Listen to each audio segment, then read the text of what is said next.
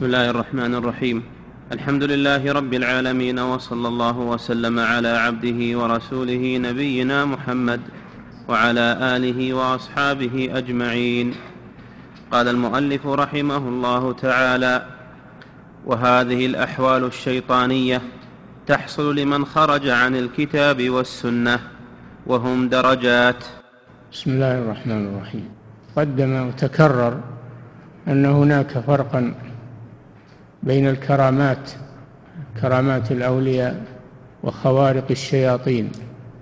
فكرامات الأولياء سببها الإيمان والتقوى وخوارق الشيطان الشياطين سببها الكفر والشرك والإلحاد. كرامات الأولياء تثبت عند ذكر الله وتلاوة القرآن وخوارق الشياطين تضمحل وتزول عند تلاوة القرآن وذكر الله سبحانه وتعالى. وذلك أن الإنسان إذا كفر بالله وأشرك به وعصى الله سبحانه فإن الله يسلط عليه الشياطين تقوده إلى الضلال كما قال تعالى ومن يعش عن ذكر الرحمن نقيض له شيطانا فهو له قرين وإنهم لا يصدونهم عن السبيل ويحسبون أنهم مهتدون. قال سبحانه وكذلك نولي بعض الظالمين بعضا بما كانوا يكسبون وهذا واضح لا إشكال فيه. فلا تلتبس خوارق الشياطين مع كرامات أولياء الله. فرق واضح. نعم. وهذه الأحوال الشيطانية تحصل لمن خرج عن الكتاب والسنة وهم درجات. هم درجات يعني أن هذه الخوارق الشيطانية درجات بعضها أشد من بعض بحسب كفر ولي الشيطان وشدة كفره. نعم. والجن الذين يقترنون بهم من جنسهم وهم على مذهبهم. نعم كذلك نولي بعض الظالمين بعضا. فهم ظالمون وأولياؤهم من الإنس ظالمون سلطوا عليهم بسبب ظلمهم وكفرهم بالله عز وجل عقوبة لهم. نعم. والجن فيهم الكافر والفاسق والمخطئ.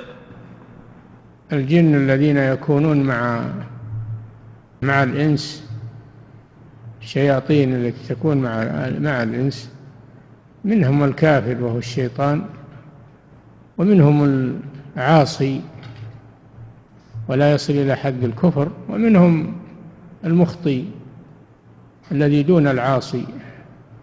فليسوا على درجة واحدة. فلذلك هم في الكفر والإلحاد والزندقة متفاوتون. نعم. والجن فيهم الكافر والفاسق والمخطي فإن كان الإنسي كافرا أو فاسقا أو جاهلا دخلوا معه في الكفر والفسوق والضلال.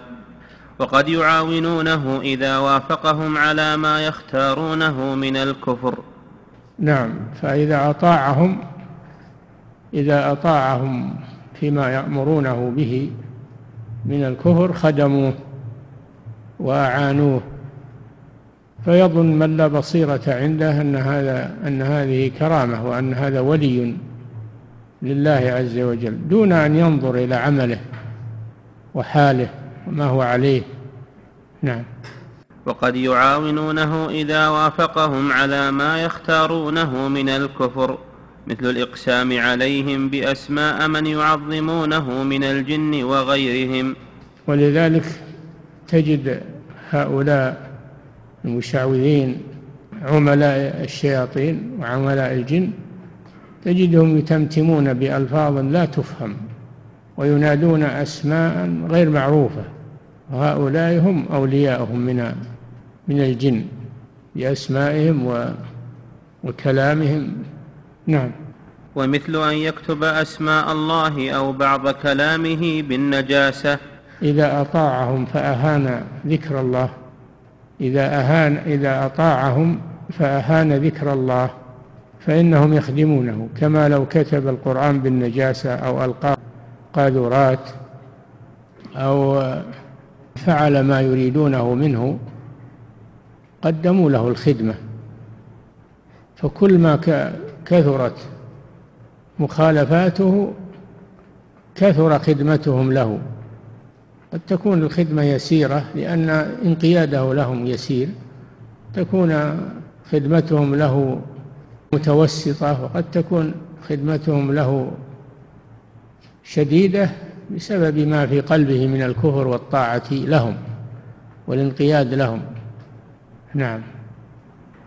أو يقلب فاتحة الكتاب أو سورة الإخلاص أو آية الكرسي أو غيرهن. يعبث بالقرآن وينكس ألفاظه وحروفه. فإذا فعل هذا خدموه لأن هذا من الاستهزاء بكلام الله وبكتاب الله عز وجل. ويظن من يظن أن هذا كرامة وأن هذا ولي من أولياء الله وأنه عرف هذا السر مع أنه من تلقين الشيطان. نعم. أو يكتبهن بنجاسة. يكتبونه القرآن بمادة نجسة أو يكتبونه في محل نجس نعم. فيغورون له الماء وينقلونه بسبب ما يرضيهم به من الكفر. يغور الماء ويقول أنا عندي مقدرة على تغوير الماء فيصدقونه بذلك.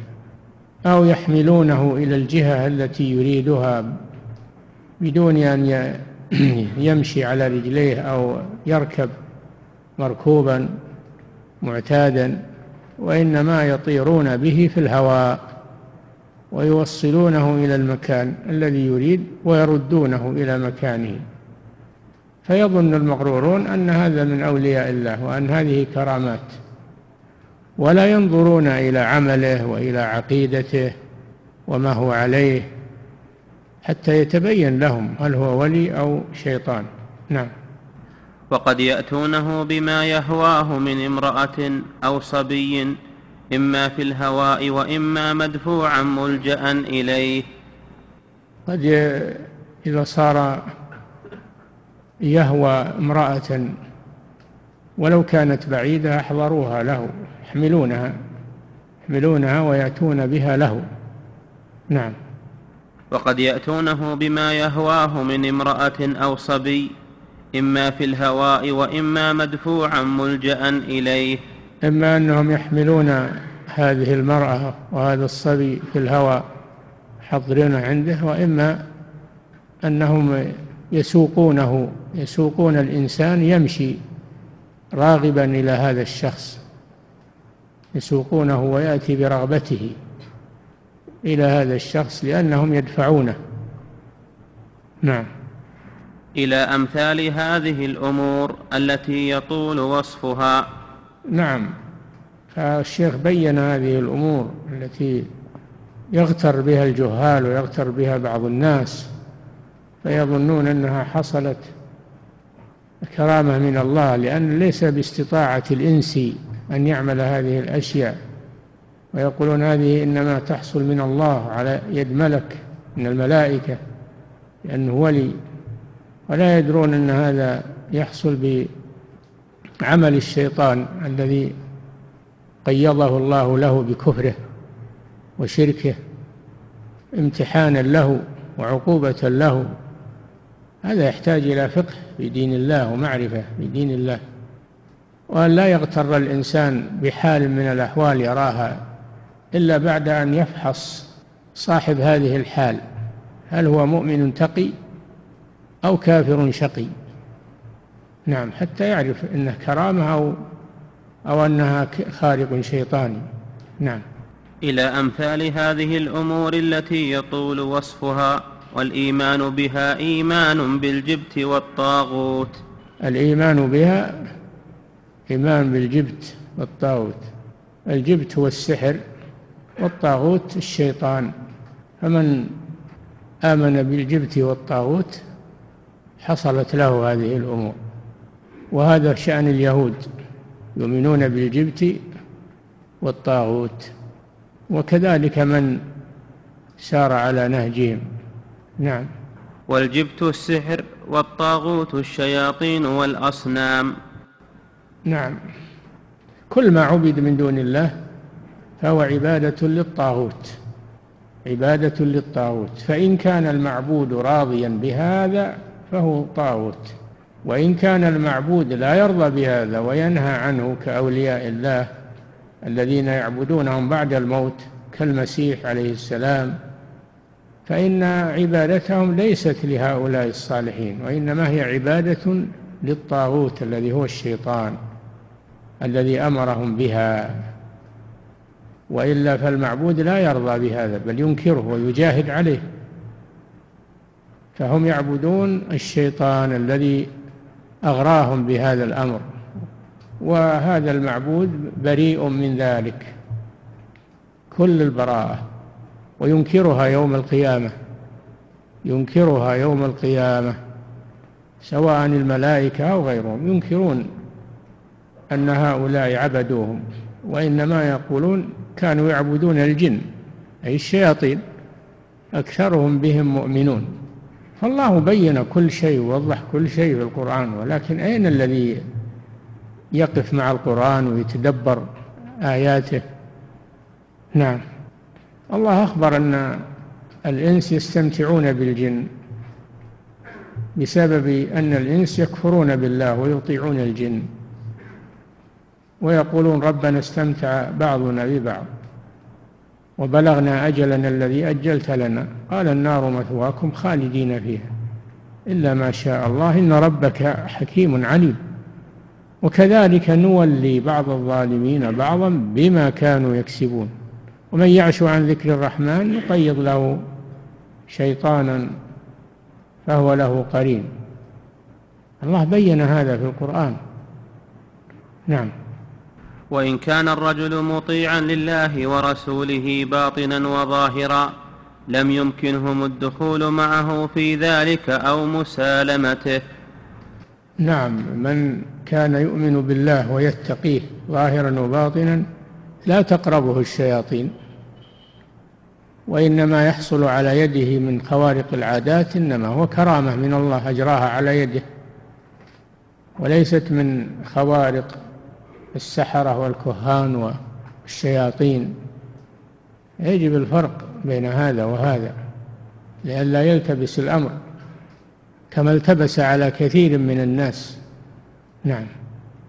ولهذا لما كانت عبادة المسلمين المشروعة في المساجد التي هي بيوت الله كان عمار المساجد أبعد عن الأحوال الشيطانية.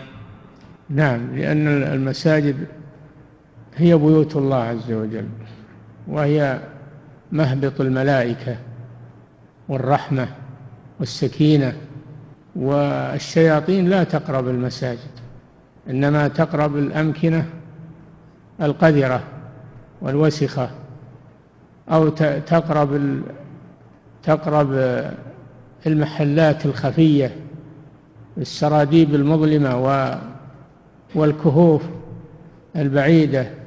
هذه محلات الشياطين والأمكنة السرية. أما المساجد فهي هي بيوت الله ويجتمع فيها المسلمون ويلقى فيها العلم والذكر فلا تقربها الشياطين. فأنت تجد الذي يعمر المساجد ويتردد إليها تجده سالما من هؤلاء الشياطين. تجد عليه الصلاح والاستقامة كما قال جل وعلا إنما يعمر مساجد الله من آمن بالله واليوم الآخر وأقام الصلاة وآتى الزكاة ولم يخش إلا الله. فعسى أولئك أن يكونوا من المهتدين. فالآية وضحت هذا أن الذين يعمرون مساجد الله هم أهل الإيمان وأن الشياطين وأولياء الشيطان من الإنس لا يقربون المساجد بل ينفرون منها ويفرون منها وهذا شيء ظاهر. نعم. وكان أهل الشرك والبدع يعظمون القبور ومشاهد الموتى. فيدعون الميت أو يدعون به أو يعتقدون أن الدعاء عنده مستجاب. كما سبق أن القبور لا تجوز العبادة عندها لا الصلاة ولا الدعاء إلا الدعاء للميت فلا بأس. أما الدعاء للزائر لا يجوز أنك تدعو الله لنفسك عند القبر. فدعاء الأموات هذا شرك أكبر والدعاء عند الأموات هذا بدعة. ووسيلة إلى الشرك. وكذلك الدعاء بالأموات أن تتوسل بهم إلى الله. هذا بدعة ووسيلة إلى الشرك كما سبق. فدعاؤها أو الدعاء عندها أو الدعاء بها كل ذلك لا يجوز. نعم. يعتقد أو يعتقدون أن الدعاء عنده مستجاب. أقرب إلى الأحوال الشيطانية. فالذي يعتقد أن الدعاء عند القبور يستجاب هذا قريب حاله من الأحوال الشيطانية لأن الله لم يشرع لنا الدعاء عند القبور وإنما شرع لنا الدعاء في المساجد التي هي بيوته. نعم. فإنه ثبت في الصحيحين عن النبي صلى الله عليه وسلم أنه قال لعن الله اليهود والنصارى اتخذوا قبور أنبيائهم مساجد. لعن الله اليهود والنصارى. السبب اتخذوا قبور أنبيائهم مساجد. هذا هو سبب اللعنة. سبب اللعنة. ومعنى مساجد أي مصليات يصلون عندها ويدعون الله عندها رجاء أن الدعاء عندها والصلاة عندها مستجابة أفضل من غيرها. فلذلك لعنهم الله أي طردهم وأبعدهم من رحمته. والنبي صلى الله عليه وسلم ذكر لنا ذلك تحذيرا لنا من أننا نتشبه بهم ونفعل مثل فعلهم ونتخذ قبور الأنبياء والصالحين مساجد كما اتخذها اليهود والنصارى مساجد. نعم. وثبت في صحيح مسلم عنه صلى الله عليه وسلم أنه قال قبل أن يموت بخمس ليال. ولكن, ولكن مع الأسف تجد في كثير من البلاد أن المسجد الذي ليس فيه قبر لا يتجه إليه إلا النوادر من الناس ولا يرغبونه. والمسجد الذي فيه قبر تجد الناس معتكفين فيه جالسين فيه ويصلون فيه الفرائض فهو يضاهي المسجد الحرام يضاهي المسجد الحرام. الآن الصلوات الخمس تبث من المسجد الحرام يسمعها المسلمون في مشارق الأرض ومغاربها ويضاهون المسجد الحرام فيبثون الصلاة عند القبور. قبر فلان وقبر فلانة. الست فلانة وقبر فلان. ويذيعون وينشرون الصلاة عندها مضاهاة للمسجد الحرام والمسجد النبوي الشريف. فهؤلاء لا شك لعب بهم شياطين الإنس والجن. والصلاة في المسجد الذي فيه قبر لها قيمة عندهم. وأما الصلاة في المسجد الذي ليس فيه قبر فلا يرغبونه ولا يتجهون إليه. هذه مصيبة مع أن المسجد الذي ليس فيه قبر هو من بيوت الله وهو الذي يصلى فيه. أما المسجد الذي فيه قبر فهو من بيوت الشيطان ولا تجوز الصلاة فيه ولا تقبل ولا تصح. نعم.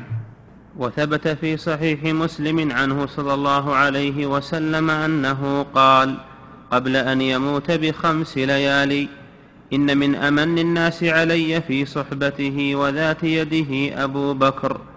ولو كنت متخذا خليلا من أهل الأرض لاتخذت أبا بكر خليلا. ولكن صاحبكم خليل الله. لا يبقين في المسجد خوخة إلا سدت إلا خوخة أبي بكر. هذا إشارة إلى خلافة أبي بكر من بعده. لما حس بقرب أجله عليه الصلاة والسلام قال هذا الكلام توطئة لاستخلاف أبي بكر من بعده وأمر أن تسد, تسد كل خوخة يعني الفرجة التي أو الباب الذي يدخل منه يدخل منه بعض الصحابة إلا خوخة أبي بكر. من أجل إيش؟ من أجل أن يصلي بالناس. وأما سائر الناس يدخلون من الأبواب المعروفة التي يدخل منها المصلون. لكن هذه خوخات خاصة يدخل منها بعض الصحابة يصلون مع الرسول صلى الله عليه وسلم فأمر بسدها إلا خوخة أبي بكر. هذا إشارة إلى استخلافه رضي الله عنه وهو أمن الناس بصحبته لرسول الله وبماله ذات يده يعني بماله. فهذا من فضائل أبي بكر الصديق وفيه دلالة على أنه هو الخليفة. بعد رسول الله صلى الله عليه وسلم. وهذا بإجماع الصحابة. أجمع الصحابة على بيعة أبي بكر. فهذا فيه رد على الرافضة الذين يقولون إن الخلافة بعد الرسول لعلي وأنه الوصي هو وصي الرسول. والوصايا هذه باطلة لا أصل لها. هذه لا أصل لها. علي رضي الله عنه من الخلفاء الراشدين لكن ليس هو أحق بالإمامة من أبي بكر وعمر وعثمان. هذا مخالف لإجماع الصحابة ومخالف لدلالة النصوص على تقديمهم وفضلهم رضي الله عنهم. هذا صدر الحديث وتبرأ أن يكون له من أهل الأرض خليلا. لماذا؟ لأنه خليل الله وخليل الله لا يكون له خليل آخر. خليل الله لا يكون له خليل آخر. الخلة لا تقبل الاشتراك. فلذلك مع حبه لأبي بكر ومع فضل أبي بكر لم يتخذه خليلا وإنما اتخذه صاحبا من أصحابه. أمنكم علي بصحبته فأثبت له الصحبة. أثبت لأبي بكر الصحبة وبين أنه أفضل الصحابة وأمنهم على رسول الله صلى الله عليه وسلم لأنه حماه ولازمه منذ بعثه الله إلى أن توفاه الله وأبو بكر إلى جانبه يحميه ويحفظه ويمده بالمال ويؤيده حتى توفي رسول الله صلى الله عليه وسلم. آخر الحديث هو محل الشاهد. نعم. إن من كان قبلكم كانوا يتخذون القبور مساجدا. ألا فلا تتخذوا القبور مساجد. هذه وصية ثانية. بعدما أوصى أو أشار بعدما أشار إلى خلافة أبي بكر حذر من شيء آخر وهو البناء على القبور. خشي أن يبنى على قبره كما بني على قبور الأنبياء من قبله وهذا من نصحه لأمته عليه الصلاة والسلام. هذا من نصحه لأمته خشي أن يتخذ حيال قبره ما اتخذ حيال قبور الأنبياء السابقين على يد اليهود والنصارى. فمن كمال نصحه صلى الله عليه وسلم أنه حذر من هذا قبل أن يموت بخمس أي بخمس بخمس ليالي قرب وفاته صلى الله عليه وسلم. نعم.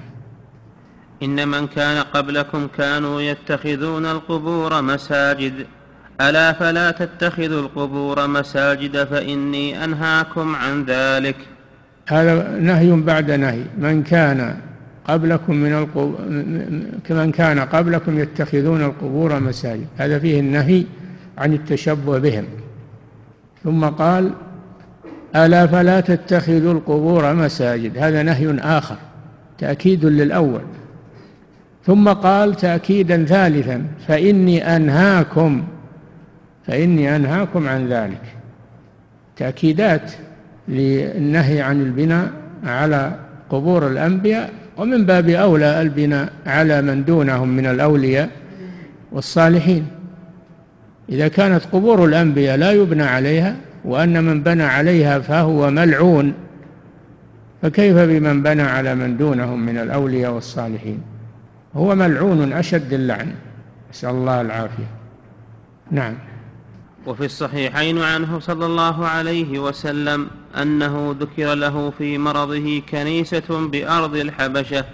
والكنيسة هي ما محل عبادة اليهود والنصارى. نعم. وذكروا من حسنها وتصاوير فيها فقال إن أولئك إذا مات فيهم إن الرجل أولئك ذاكر لهم امرأة. نعم.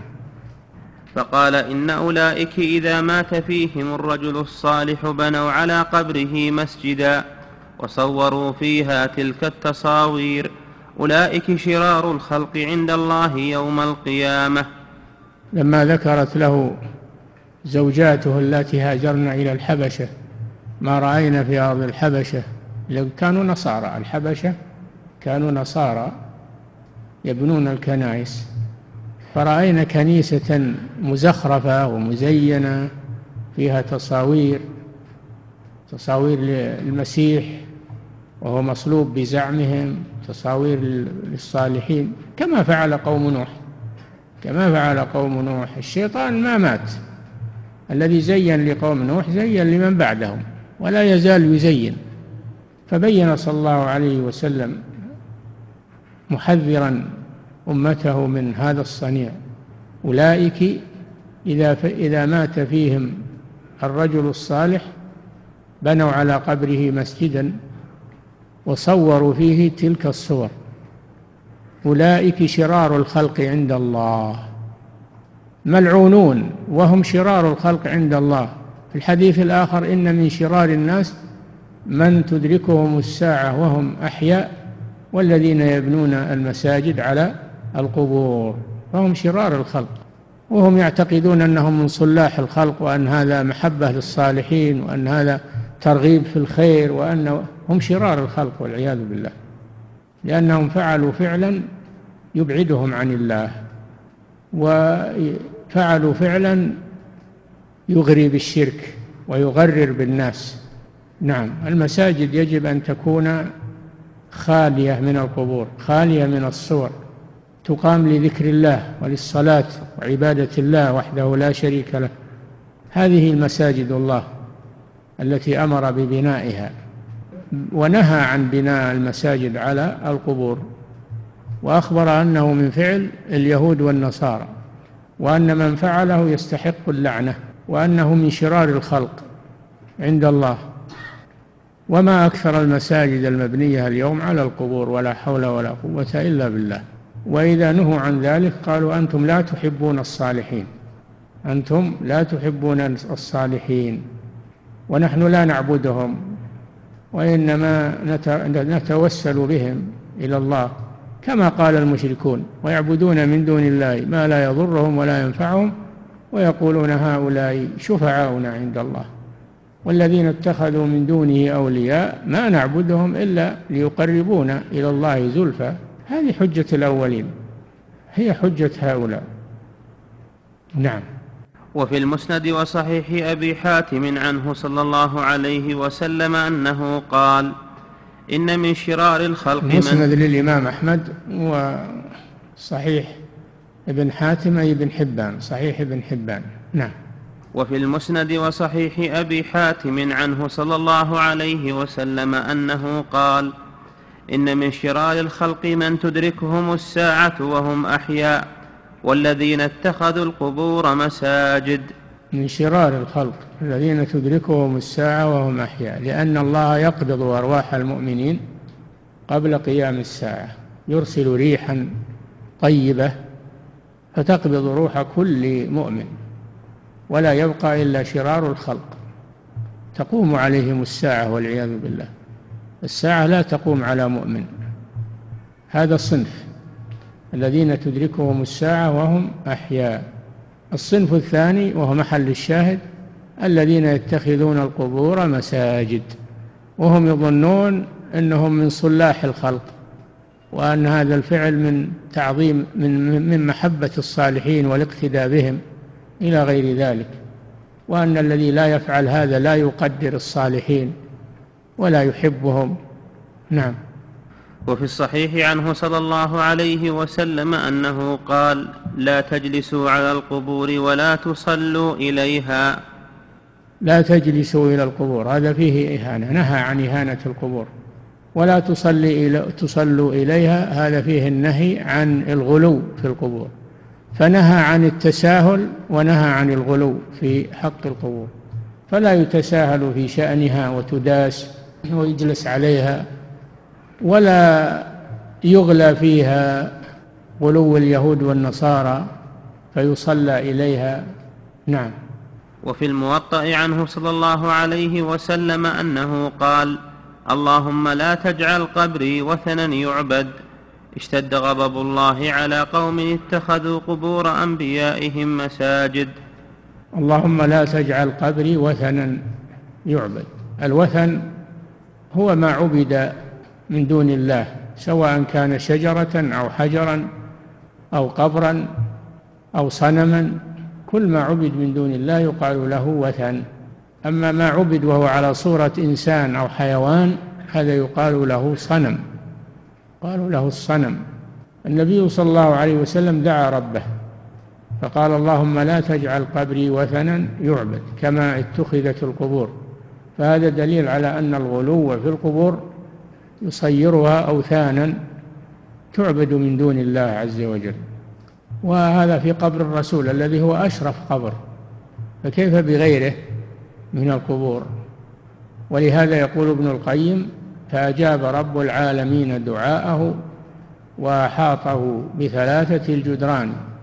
أحاط قبر الرسول صلى الله عليه وسلم بثلاثة الجدران فلا يراه أحد ولا يدخل إليه أحد أبدا. فهذا من رحمة الله سبحانه وتعالى. نعم.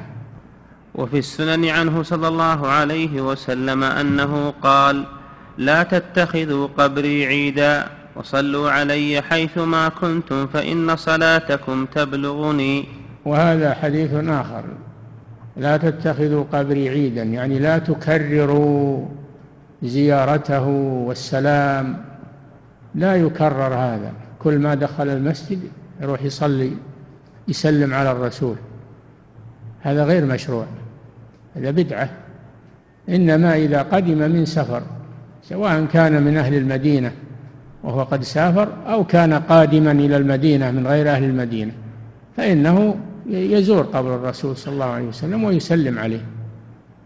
ولا يكرر هذا كل ما دخل يذهب إلى القبر. هذا هذا من اتخاذ عيدا. العيد هو ما يعتاد ويكرر. هذا مما يصيره عيدا يعني يعتاد ويكرر الذهاب إليه وزيارته. وهذا يفضي إلى الشرك به ودعائه من دون الله. هذا من سد الوسائل المفضية إلى الشرك. حتى وإن كان الزائر يريد السلام السلام هذا مبتدع. الذي يتكرر كل ما دخل هذا مبتدع. وهذا يعلق قلوب العوام والجهال بقبر الرسول صلى الله عليه وسلم. نعم. وقال صلى الله عليه وسلم ما من رجل يسلم علي إلا رد الله علي روحي حتى أرد عليه السلام. نعم وهذا أيضا فيه بيان أنه لا ميزة للسلام عليه للصلاة والسلام عليه عند قبره. لا ميزة لذلك ومن يصلي ويسلم عليه من بعد ولو في أقصى الأرض. لأن الصلاة والسلام يبلغان للرسول صلى الله عليه وسلم. فلا حاجة إلى أنك تأتي عند قبره لتصلي وتسلم عليه. قال صلى الله عليه وسلم صلوا حي صلوا علي حيث كنتم. يعني في أي مكان فإن صلاتكم تبلغني. فلا حاجة أنك تروح للقبر تقول بصلي وسلم على الرسول. أنت ومن بالأندلس كما قال أحد كما قال أحد كما قال ذرية الحسن والحسين أن ما أنت ومن بالأندلس إلا سواء يعني بأقصى المغرب سواء عند القبر أو بالأندلس سواء من باب المثل. وإلا حتى لو كنت في الصين أو في أقصى المعمورة صليت وسلمت على الرسول يبلغ هذا. فلا حاجة إلى أنك تذهب إليه.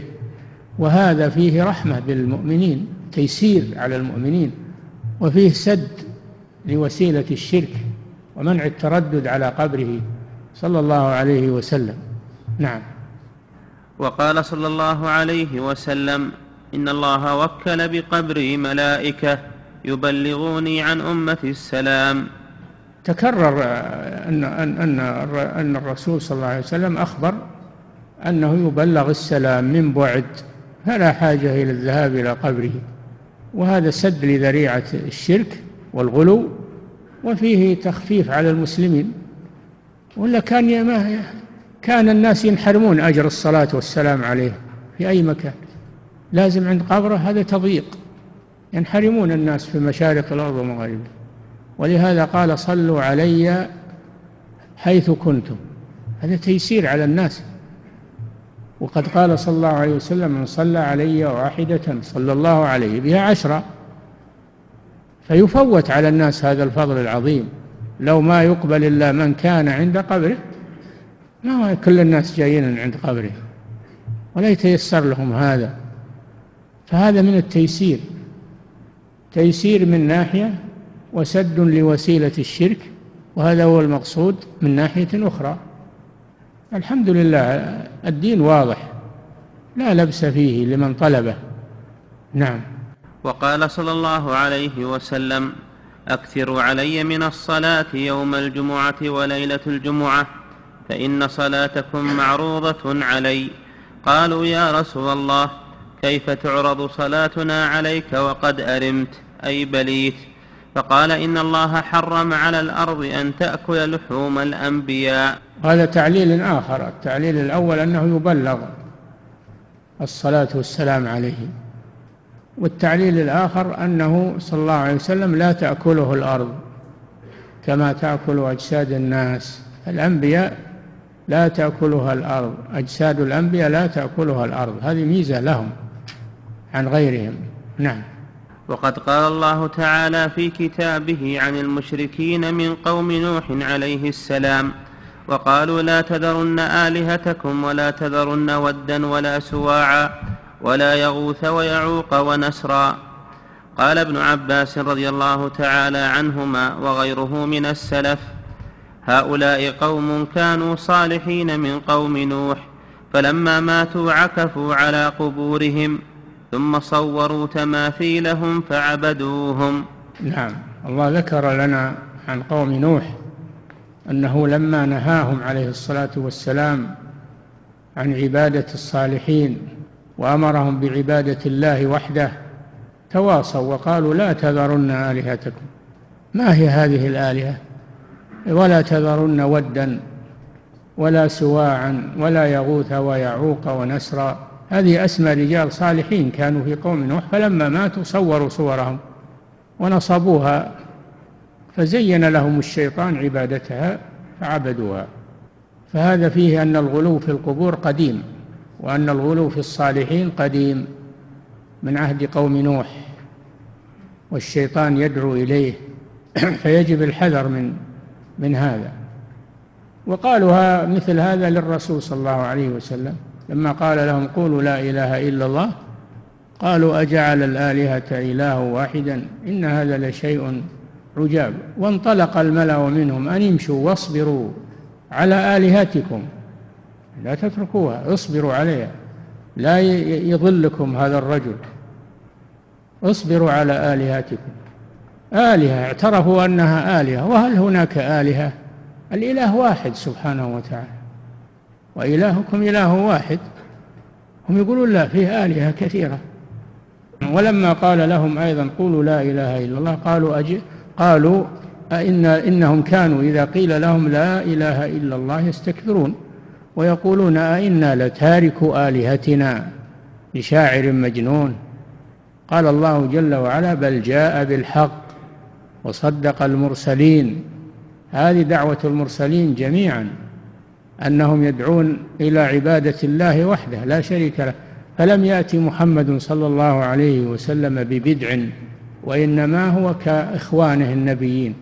كلهم ينهون عن دعاء غير الله سبحانه وتعالى. من أولهم إلى آخرهم. لقد بعثنا في كل أمة رسولا أن اعبدوا الله واجتنبوا الطاغوت. ما أرسلنا من قبلك من رسول إلا نوحي إليه أنه لا إله إلا أنا فاعبدون. واعبدوا الله ولا ولا تشركوا به شيئا. نعم. فكان هذا مبدأ عبادة الأوثان. يعني من قوم نوح. مبدأ أول ما حدث الشرك في الأرض في قوم نوح. وإلا كانوا في الأول صالحين وعلى التوحيد من عهد آدم إلى أن صوروا الصور ونصبوها فحينئذ حدث الشرك بسبب هذه الصور. دل على أن نصب الصور والغلو في الأموات يفضي إلى الشرك. نعم. فنهى النبي صلى الله عليه وسلم عن اتخاذ القبور مساجد ليسد باب الشرك. مساجد يعني مصليات. وإذا بني عليها فالأمر أشد لكن حتى لو لم يبنى عليها الذي يذهب إلى القبور ويصلي عندها اتخذها مساجد ولو ما بني عليها مساجد. نعم. كما نهى صلى الله عليه وسلم عن الصلاة وقت طلوع الشمس ووقت غروبها. نعم. لأن المشركين يسجدون للشمس حينئذ. فالذي يذهب إلى القبور ويدعو عندها هذا ما يدعو الله جل وعلا لكن دعاؤه في هذا المكان فيه تشبه فيه تشبه بالذين يدعون القبور. وإن كان هو لا يدعو إلا الله لكن لما تشبه بهم خشي أن أن يفعل مثل فعلهم. فهذا من سد الوسائل المفضية إلى إلى الشرك. من سد الوسائل المفضية إلى الشرك. كما أنه نهى صلى الله عليه وسلم عن الصلاة عند طلوع الشمس وعند غروبها مع أن المصلي يصلي لله صلي لله. لكن لما كان المشركون يعبدون الشمس عند غروبها يسجدون لها وعند بزوغها يسجدون لها فالمسلم لا يتشبه بهم. لا يتشبه بهم وإن كان لا يصلي إلا لله. فهذا من سد الذريعة المفضية إلى الشرك. نعم. فنهى النبي صلى الله عليه وسلم عن عن اتخاذ القبور مساجد ليسد باب الشرك. كما نهى عن الصلاة وقت طلوع الشمس ووقت غروبها لأن المشركين يسجدون للشمس حينئذ. ولا يزال من المشركين من يسجد للشمس عند غروبها إلى الآن. طوائف من المشركين يسجدون للشمس عند طلوعها وعند غروبها. فالشر لم ينقطع. في وقت قريب جاءوا بقناة من القنوات لطائفة يسجدون للشمس. صورونهم وهم يسجدون للشمس عند غروبها وعند طلوعها. فالشر لم ينقطع. نسأل الله العافية. نعم. والشيطان يقارنها وقت الطلوع ووقت الغروب. تخرج بين قرني شيطان. هذا بعد معنى آخر للنهي أن الشيطان يخرج معها. فلذلك نهي لئلا يكون العبادة السجود يكون تشبه للذين يسجدون للشيطان. لأن يعني فيه من يعبدون الشيطان. نعم. فتكون في الصلاة حينئذ مشابهة لصلاة المشركين. نعم. فسد هذا الباب. نعم. والشيطان يضل بني آدم. انظروا إلى أن الرسول صلى الله عليه وسلم سد الباب من جهة المكان. فلا يصلى عند القبر. وسد الباب من جهة الزمان فلا يصلى عند طلوع الشمس وعند غروبها خشية أن أن يتشبه بعباد الشمس. نعم. والشيطان يضل بني آدم بحسب قدرته فمن عبد الشمس والقمر والكواكب ودعاها كما يفعل أهل دعوة الكواكب. فإنه ينزل عليه شيطان يخاطبه ويحدثه ببعض الأمور. ويظن أنه الكوكب الذي يسجد له أو الشمس وهو شيطان. نعم. فإنه ينزل عليه شيطان يخاطبه ويحدثه ببعض الأمور ويسمون ذلك روحانية الكوكب وهو شيطان. نعم. والشيطان وإن أعان الإنسان على بعض مقاصده فإنه يضره أضعاف ما ينفعه.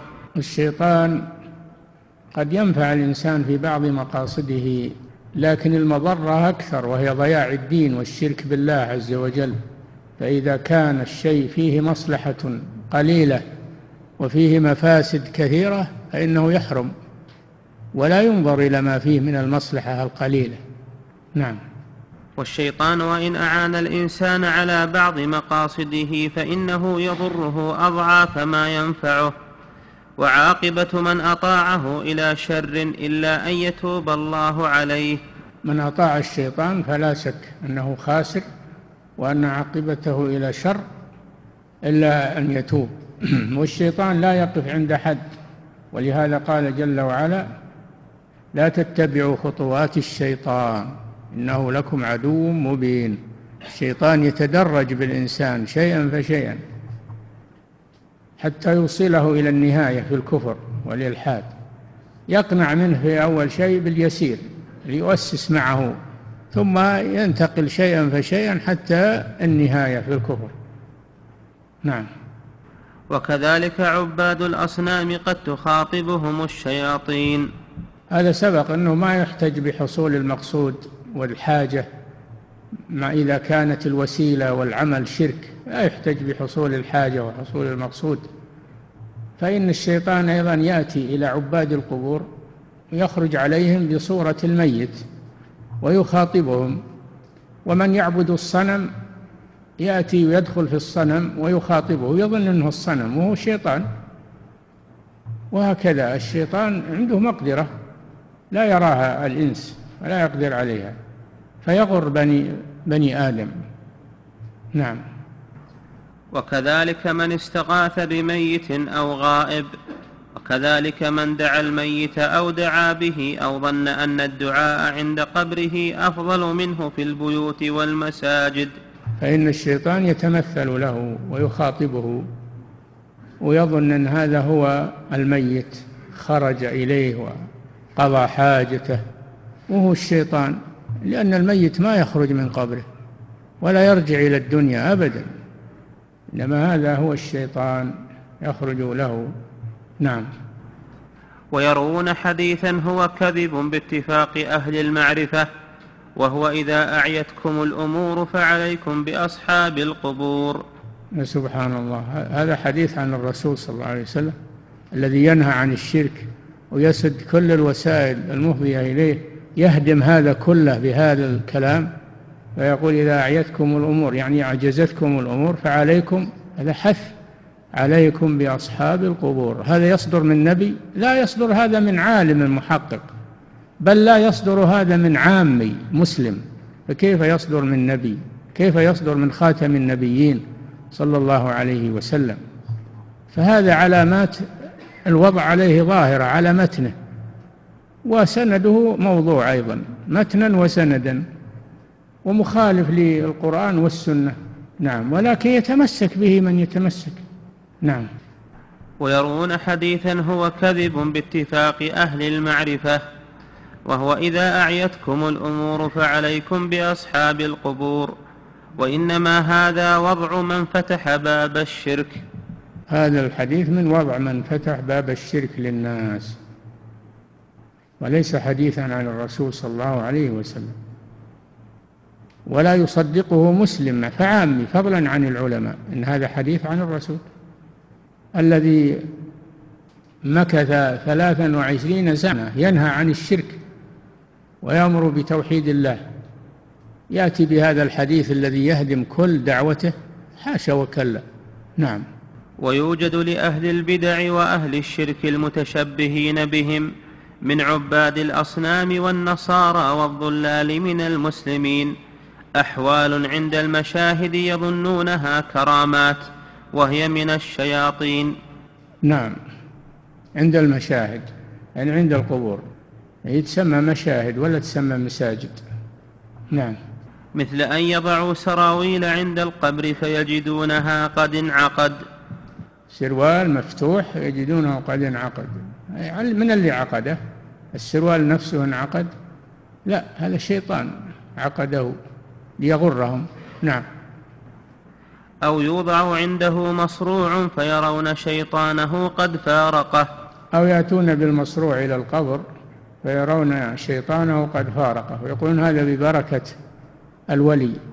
وهو شيطان خلى عنه كان ملابسا له ثم خلى عنه لأجل يغرهم. لأجل أن يغرهم والعياذ بالله. نعم. يفعل الشيطان هذا ليضلهم. نعم. وإذا قرأت آية الكرسي هناك بصدق بطل هذا. هذا من علامات بطلان خوارق الشياطين أنها إذا قرئ القرآن بطلت وتعطلت. نعم. فإذا قرأت آية الكرسي بطلت هذه الخرافات و والخوارق الشيطانية. هذا من علامة أنها ليست كرامات. نعم. وإذا قرأت آية الكرسي هناك بصدق بطل هذا فإن التوحيد يطرد الشيطان. ولهذا حمل بعضهم في الهواء فقال لا إله إلا الله فسقط. نعم. حمله شيطان. فلما على فطرته. قال لا إله إلا الله سقط على الأرض وهرب الشيطان وتركه. نعم. ولهذا حمل بعضهم في الهوى فقال لا إله إلا الله فسقط. ومثل أن يرى ومثل أن يرى أحدهم أن القبر قد انشق فخرج منه إنسان فيظنه الميت وهو شيطان. وهذا باب واسع لا يتسع له هذا الموضع. رحمه الله. وضح غاية الإيضاح. نعم ولكن يعتذر بضيق ضيق الموضع. نعم ولا عنده أكثر من هذا. نعم. ولما كان الانقطاع إلى المغارات والبوادي من البدع. يكفي نقف عند هذا. نعم. أحسن الله إليكم صاحب الفضيلة. هذه أسئلة كثيرة أعرض على فضيلتكم ما تيسر منها. هذا سائل يقول قد وجد في بعض القرى رجل يعلمهم في النهار القرآن وفي الليل يعقد, يعقد لهم عقد الشعوذة والسحر. والسؤال هل يمكن للساحر أن يتعلم القرآن ويحفظه ومع ذلك تلابسه الشياطين وتعاونه على السحر والشعوذة؟ نعم نعم. يمكن إنسان يقرأ القرآن في حال من الأحوال يبعد عنه الشيطان ثم في حال آخر يأتيه الشيطان ولا يستطيع يقرأ القرآن في حضور الشيطان إلا ذهب الشيطان. نعم يمكن هذا في أحوال. نعم. أحسن الله إليكم صاحب الفضيلة. هذا السائل يقول لقد ذكر المؤلف رحمه الله في إعانة الشياطين لأوليائهم أنهم يغورون الماء لهم فما معنى هذه العبارة؟ يأتون على البئر الذي فيه ماء أو الغدير اللي فيه ماء فيغورونه. الشياطين تشربه أو أو تحمله من مكانه. الشياطين عندهم مقدرة ليست عند الإنس. فيقولون هذه هذه كرامة هذه من كرامات الأولياء أنهم يغيرون يغورون المياه. والمياه لا يغورها إلا الله ولا يأتي بها إلا الله. قل أرأيتم إن أصبح ماؤكم غورا فمن يأتيكم بماء معين؟ نعم. أحسن الله إليكم صاحب الفضيلة. هذا السائل يقول كثر في هذا الزمان تسلط الشياطين على الإنسان بأنواع الوساوس القهرية والأمراض النفسية فما هو السبب في ذلك؟ وما علاج هذا الأمر الذي كثر المشتكون منه؟ السبب أمران. السبب الأول ضعف الإيمان أو عدم الإيمان بالكلية. والسبب الثاني قلة العلم قلة الفقه في دين الله. فإذا قل الفقه والعلم حصلت هذه الأمور الخبيثة. نعم. أحسن الله إليكم صاحب الفضيلة. وهذا السائل يقول فتح المسجل أو الإذاعة على قراءة القرآن باستمرار أو على سورة البقرة في البيت. هل لهذا أثر في طرد الشياطين؟ وهل يختلف الأمر لو كان القارئ في المسجل هو صاحب البيت وناويا بالتسجيل هذا الأمر أو كان غيره؟ قراءة القرآن عبادة. ما يقوم بها المسجل. قراءة القرآن عبادة تحتاج إلى نية. لا يقوم بها المسجل الجماد. فلا لا, لا تغني قراءة المسجل عن قراءة القرآن باللسان. لا لا تغني. نعم. أحسن الله إليكم صاحب الفضيلة وهذا السائل يقول في بعض المدن التي يرتادها الناس صيفا يقام في حدائقها عروض مختلفة ومن هذه العروض عروض لترويض الثعابين والتعامل معها من دون أن تلدغ هذا المروض. وكذلك يقوم بعضهم بأكل العقارب هل هذه الأعمال من باب التعامل مع الجن وما حكم حضورها؟ ليته يأكل العقارب كلها. لا هذا هذه رياضة نعم قد أنه يأتي إلى لأن يقولون أن الحية والعقرب تدافع عن نفسها. فإذا خافت الخطر لدغت. لكن إذا جيتها بسياسة شيء فشيء فيه لا لا تضرك. ولذلك النايم إذا صار نائما في الليل يجي الداب ويمشي عليه ولا ولا يضره لأنه ما يتحرك لكن لو تحرك النايم لدغه لأنه يدافع عن نفسه. هو مثل هذا يعني يعملون لها رياضة ولا يزعجونه يمكن أنها تسالمهم. نعم. وأما أنه يأكل العقارب هذا كذب ما يأكل العقارب لكن يخيل للناس أنه يأكل العقارب. ولا العقارب ما حد يأكلها حشرات ما يمكن يأكلها. لكن يخيل للناس ويقمر على عيونهم قمرة يخيل إليه من سحرهم أنها تسعى. يعملون سحر على الأعين. ولا أنت إنسان تختبره جيب له عقارب بصحن وقول له يلا كلها. ما يأكلها ما يستطيع. نعم. أحسن الله إليكم صاحب الفضيلة. وهذا السائل يقول كيف يرد على من يقول إن قبر النبي صلى الله عليه وسلم في المسجد النبوي الآن ويستدل به على جواز إدخال القبور إلى المساجد. قبر النبي صلى الله عليه وسلم في بيته ما كان في المسجد وإنما أدخل بيته ادخل بيت الرسول الحجرة أدخلت في المسجد وفيها قبر الرسول صلى الله عليه وسلم وهذا عمل عمله الوليد بن عبد الملك عفى الله عنه ولم يوافقه عليه العلماء لم يوافقوه على هذا العمل. لو بقي بيت الرسول على حاله لكان أحفظ وأبعد عن الشبهة. لكن إذا نظرنا للأصل وجدنا أن المسجد مبني قبل قبل المسجد مبني قبل وفاة الرسول صلى الله عليه وسلم بعشر سنين. المسجد ما بني على القبر وإنما أدخل القبر فيه وهذا تصرف غير مرضي بلا شك. نعم. أحسن الله إليكم صاحب الفضيلة. هذا السائل يقول إذا جاءت الجنازة إلى المقبرة نلاحظ أن بعض الناس يقوم فيذكر بهذا الموت ويقال انظروا إلى هذا الميت واعتبروا فهل هذا التذكير مشروع أم أنه بدعة؟ هذا بدعة لأن الرسول صلى الله عليه وسلم لم يكن يفعله إلا مرة واحدة لعذر وهو لما وجد أن القبر ما انتهى جلس هو وأصحابه ينتظرون إعداد القبر فالرسول صلى الله عليه وسلم ذكرهم في هذا الوقت لئلا يضيع الوقت بدون فائدة.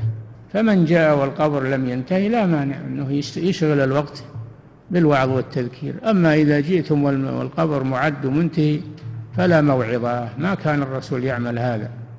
نعم. أحسن الله إليكم صاحب الفضيلة وهذا السائل يقول هل يستفاد من قول النبي صلى الله عليه وسلم لعن الله اليهود والنصارى اتخذوا قبور أنبيائهم مساجد.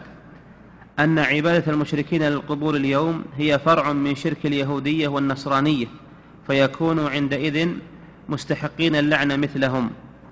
بلا شك أنهم يستحقون اللعنة من عبد القبور أو بنى عليها يستحق اللعنة مثل ما لعن اليهود والنصارى. العلة واحدة. العلة التي سببت اللعنة واحدة. نعم. بل ربما يكون الذين يبنون القبور من هذه الأمة أشد أشد إثما من السابقين لأن هؤلاء علموا وعرفوا والرسول صلى الله عليه وسلم بين لهم أكثر مما بين غيره. نعم.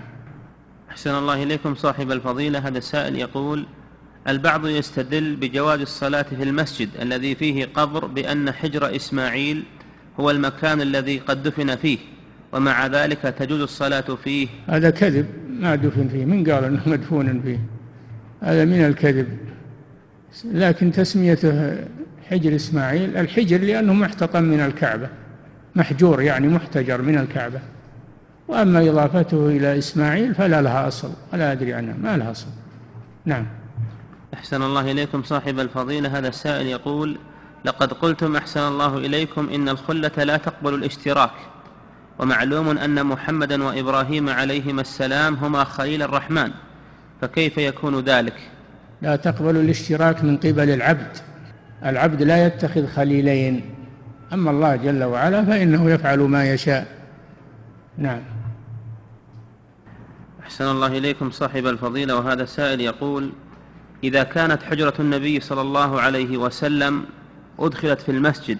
السؤال ما حكم الصلاة في المسجد النبوي الآن؟ لأن كثيرا من الجهال يحتج بهذا الأمر. نسأل الله العافية. هذا ضلال. اللي يرى أنه ما يصلى في مسجد الرسول هذا ضلال. المسجد ما بني على القبر. مسجد مبني من الأصل للصلاة وله الفضل. هو أحد المساجد الثلاثة بل هو المسجد الثاني بعد المسجد الحرام. هذا كلام جاهل ولا يدري. نعم. أحسن الله إليكم صاحب الفضيلة وهذا السائل يقول ما حكم القبة الموجودة على قبر النبي صلى الله عليه وسلم؟ لأن من الناس من يحتج بها على جواز بناء القباب على القبور. قبر النبي صلى الله عليه وسلم كان في بيت في حجرة وله سقف. الحجرة مسقوفة. الحجرة مسقوفة. والسقف سواء كان قبة أو, سقف خشب كله سواء هذا لأنه بيت الرسول فقط. أما أنك تبني على القبور وتجعل لها قباب هذا محرم. حتى لو ما جعلت عليها قبة.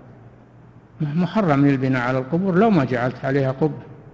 هو بالكلام على القبة الكلام على البناء على القبر. هذا هو المحرم. والقبة من جملة البناء. نعم. أحسن الله إليكم صاحب الفضيلة وهذا السائل يقول من قدم إلى المدينة النبوية ولم يذهب إلى قبر النبي صلى الله عليه وسلم وإنما اكتفى بالصلاة والسلام عليه كلما دخل المسجد فهل يعد هذا من الجفاء؟ هذا ترك سنة يعتبر ما نقول إنه من الجفاء لكن نقول ترك سنة. لو إنه سلم على الرسول يكون هذا أحسن. نعم. يقول سلمك الله وما الدليل على أن القادم من سفر يسلم على النبي عليه الصلاة والسلام عند مواجهة قبره؟ هذا هو فعل الصحابة. الدليل فعل الصحابة أنهم كانوا يفعلون هذا. نعم كابن عمر وغيره. نعم. أحسن الله إليكم صاحب الفضيلة. وهذا السائل يقول النبي صلى الله عليه وسلم يرد على الناس السلام بأن يرد الله عليه روحه. كيف يكون ذلك؟ هذا في البرزخ الله أعلم به. هذه حياة برزخية. لا نعلم كيفيتها. نعم. أحسن الله إليكم صاحب الفضيلة وهذا السائل يقول إذا كان الرجل يذهب لزيارة القبور التي يدعى أه؟ إذا كان الرجل يذهب لزيارة القبور التي يدعى عندها من دون الله ويذبح لها فيقول أنا لا أفعل شيئا من أنواع الشرك ولكني أحضر لزيارة قبر هذا الولي لأن النبي عليه الصلاة والسلام حثنا على زيارة القبور. والأولياء أحق بهذه الزيارة من غيره إذا كان فيه منكر والشرك هو أعظم المنكر فلا تذهب إليه. لا تذهب إليه لأنهم يحتجون بك إذا رأوك تزور احتجوا بك وقالوا فلان يزور قبر الولي الفلاني والناس عنده يذبحون وينذرون. إقرار هذا إقرار لهم. حتى بيت والدك إذا إذا كان فيه منكرات لا لا تزوره لما يخلص من المنكرات. المكان اللي فيه منكرات ولا تقدر على إزالتها لا تذهب إليه. نعم. أحسن الله إليكم صاحب الفضيلة. وهذا السائل يقول إذا ذهب الشخص إلى زيارة القبور وتذكر الآخرة والعذاب يوم القيامة فدعا عند القبر فقال اللهم ارحمني برحمتك وأدخلني الجنة برحمتك. لا لا يدعو عند القبر يدعو للميت فقط. اللهم اغفر له اللهم ارحمه. اللهم تب عليه يدعو للميت. فإذا أراد يدعو لنفسه يشوف له مكان آخر بعيد عن القبور. نعم. أحسن الله إليكم. وهذا السائل يقول هل يجوز أن نطلب من والدينا أن يغفروا ذنوبنا بقصد أن يسامحونا على أخطائنا علما بأنهم أحياء؟ نعم لا لا لا مانع. ولمن صبر وغفر إن ذلك لمن عزم الأمور. نعم. أحسن الله إليكم صاحب الفضيلة. وهذا السائل يقول بعد أن يدفن الناس الميت هل يدعى له ونحن باتجاه القبر أم باتجاه القبلة؟ لا بأس يكونون عند القبر من جميع الجهات ويدعون له. نعم. يقول وما صحة هذه العبارة؟ إنما يستقبل الدعاء ما يستقبل من الصلاة. ها؟ يقول ما صحة هذه العبارة؟ إنما يستقبل من الدعاء ما يستقبل من الصلاة. ما هو بلازم؟ الصلاة من شروط صحتها استقبال القبلة وأما الدعاء فسنة استقبال القبلة في الدعاء سنة ما هو ما هو بشرط ولا واجب. نعم. أحسن الله إليكم صاحب الفضيلة وهذا سؤال قد تكرر. ما حكم أن يطلب الإنسان من الميت الدعاء؟ فيقول الميت ادعو الله لي بكذا. لا يجوز هذا شرك ولا يجوز. لا يجوز أنه يطلب من الميت شيء لأن الميت لا يقدر وأنت طلبت منه شيء ما يقدر عليه. لأنه انقطع عمله فأنت تطلب منه ما لا يستطيعه. دعاء الغائب ودعاء الميت لا يجوز. طلب الدعاء منه طلب الدعاء منه لا يجوز وهو نوع من الشرك لأنك طلبت حاجة ممن لا يقدر عليها. نعم. أحسن الله إليكم صاحب الفضيلة. هذا سائل يقول هل يجوز المشي عند القبور أو بينها وهو لابس النعال إذا كان فيها مثل الممرات؟ نعم إذا كان وقت الشمس حرارة الشمس أو أو فيها شوك فلا مانع أنه يلبس النعال في القبور لكن يتوقع يتوقع الوطأ على القبور يمشي من بينها من خلالها. نعم. أحسن الله إليكم صاحب الفضيلة وهذا سؤال يقول سمعنا مؤخرا بالسماح للنساء بزيارة قبر النبي صلى الله عليه وسلم والسؤال ما حكم ذلك؟ هذا غير صحيح. إنما سمح لهن بالصلاة في الروضة. سمح لهن بالصلاة في الروضة فقط وليته لم يسمح لهن بذلك لكن عاد حصل. الصلاة في الروضة فقط. نعم. من قال إنه مسموح لهم بالزيارة على القبور؟ هل رأيت النساء واقفات عند القبر؟ هذا زود في الكلام. سمح لهن بالصلاة في الروضة فقط يوم من الأيام. نعم. أحسن الله إليكم صاحب الفضيلة وهذا السائل يقول ما حكم وضع الصبغ اليسير على نصيبة القبر ليعرفه أقرباؤه؟ لا ما يصلح. الصبغ والجص والألوان ما تصلح. إذا أراد يعلم القبر يضع عليه حجر أو أو عود يركزه عليه علشان يعرفه. علامة ما يفهمها له وليس فيها أصباغ. نعم. أحسن الله إليكم صاحب الفضيلة وهذا السائل يقول في قول النبي صلى الله عليه وسلم وصوروا فيها تلك التصاوير الحديث. نرى في بعض المساجد أنواعا من الكاميرات للتصوير لنقل المحاضرات وغير ذلك فهل يدخل هذا في الحديث؟ هذه ما هي بثابتة. هذه ما هي بثابتة. الكلام على صور ثابتة ومعلقة. هل ترون في المساجد صور ثابتة ومعلقة؟ لا. إنما هذه تصوير هذا يسمى تصوير ولا يثبت وإثمه على من فعله. نعم. أحسن الله إليكم صاحب الفضيلة. هذا السائل يقول هل محل الجن ومساكنهم هي الأماكن النائية والقذرة؟ وهل كل الجن مسلمهم وكافرهم يسكنون هناك أم الكفار فقط؟ هلا ما ما ندري عن تبي تأجرهم أنت مساكن؟ الجن ما يسكنون والجن في على وجه الأرض يرونكم من حيث لا ترونهم. أما نقول أنهم يسكنون في كذا ويسكنون في كذا هذا ما ندري عنه. نعم. أحسن الله إليكم صاحب الفضيلة. هذا السائل يقول هل لفظ الشيطان إذا جاء في القرآن يراد به إبليس أو أحد من ذريته؟ الشيطان كل مارد من الجن كل مارد من الجن يسمى شيطانا. ورئيسهم إبليس. هذا قال إبليس هو رئيسهم. نعم. أحسن الله إليكم صاحب الفضيلة وهذا السائل يقول كيف الجمع بين حديث النبي صلى الله عليه وسلم لا تزال طائفة من أمتي على الحق ظاهرين لا يضرهم من خالفهم أو خذلهم الحديث؟ وبين قوله في هذا الحديث إن من شرار الناس من تدركهم الساعة وهم أحياء. حتى يأتي أمر الله تبارك يا أخي ما كملت الحديث. حتى يأتي أمر الله تبارك وتعالى وهو الريح التي تأتي في آخر الزمان ويقبض الله بها روح كل مؤمن ومؤمنة. نعم. أحسن الله إليكم صاحب الفضيلة وهذا سائل يقول هناك في بعض المساجد يضعون الصور التي فيها تعليم الوضوء فهل يجوز وضع هذه الصور؟ لا هذه من أعظم المنكرات. تعليم الوضوء ما هو بالصور تعليم الوضوء بالعمل والكلام الشرح الشرح والكلام والعمل.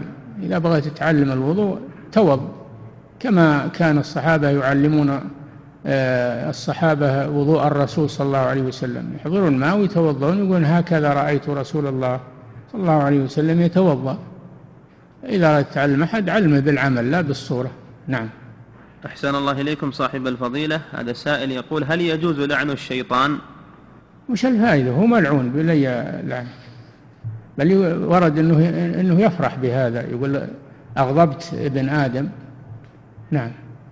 أحسن الله إليكم صاحب الفضيلة. هذا سائل يقول هل هناك غير الأنبياء لا تأكل الأرض أجسادهم؟ ورد أن الشهداء نعم الشهداء الله أعلم. نعم. أحسن الله إليكم. وهذا سائل يقول متى بدأت بدعة التقرب إلى قبر النبي عليه الصلاة والسلام؟ بعد القرون المفضلة. كل الفتن وكل البدع والشرور بعد انقضاء القرون التي أثنى عليها رسول الله صلى الله عليه وسلم. قال خيركم قرني ثم الذين يلونهم ثم الذين يلونهم. قال الراوي لا أدري ذكر بعد قرنه قرنين أو ثلاثة. ثم قال فإن ثم من بعدهم تخلف خلوف يقولون ما لا يفعلون ويفعلون ما لا يؤمرون ويظهر فيهم السمن ويشهدون قبل أن يستشهدوا. إلى آخر ما جاء في الحديث. حدثت الشرور بعد القرون المفضلة. نعم. أحسن الله إليكم صاحب الفضيلة وهذا السائل يقول في قول النبي صلى الله عليه وسلم إذا كان يوم الجمعة وليلتها هل الليلة هي قبل نهار الجمعة؟ قبل قبل. كل ليلة كل يوم ليلته قبله. كل يوم ليلته قبله إلا يوم عرفة فليلته بعده. يوم عرفة ليلته بعده. أما سائر الأيام فليلته قبله. سبع ليال وثمانية أيام حسوما. نعم. أحسن الله إليكم صاحب الفضيلة وهذا السائل يقول خرج في, الكتاب في المكتبات كتاب مطبوع متداول لأحد الأساتذة في العقيدة عن أويس القرني رحمه الله والذي ورد حديثه في صحيح مسلم. ذكر فيه أن قصته خرافة وخيال ولا يجوز ولا وجود لها وإنما هي ضعيفة ولا تصح. فما توجيه فضيلتكم؟ والله الإنكار سهل. الإنكار من بغى ينكر. إنكار سهل. يقول لا, لا صحة له ولا أثر له بدون تعب وبدون. ويس القرني ثابت. والرسول أخبر عنه وقال من أدركه فليطلب منه الدعاء. هذا شيء ثابت. إذا كان يكذب السلف ويبي يكذب هذا شيء آخر. لأن يعني التكذيب سهل. هل بحث هل أورد الأسانيد وبين انتقادها؟ هل؟ نعم. أحسن الله إليكم صاحب الفضيلة وهذا السائل يقول هل يشرع سجود التلاوة عند غروب الشمس وعند وعند شروقها؟ نعم. هل تشرع سجود التلاوة؟ ما في مانع التلاوة ما في مانع. تذكر الله وتتلو القرآن ما في مانع الصلاة فقط. الصلاة هي الممنوعة. وحتى اللي اللي فايتته الصلاة أو ما يعني نام أو آه، سهى يصلي متى أدرك. ولو كان عند طلوع الشمس ما يأخر الصلاة. ما يؤخر الصلاة. من نسي صلاة أو نام عنها فليصليها إذا ذكرها. ما القضاء ما له وقت. نعم. أحسن الله إليكم صاحب الفضيلة. وهذا سائل يقول هل يلزم أن يكون القبر داخل حدود المسجد أم يدخل في ذلك ما كان حوله مما لا يكون في داخل حدوده من جهة تحريم الصلاة فيه. كل ما اتصل بالمسجد فلا يجوز. أما إذا كان مفصولا عن المسجد بشارع أو بممر أو بفضاء فلا مانع من ذلك. لكن إذا كان متصلا بالمسجد جداره جدار المسجد هذا لا يجوز.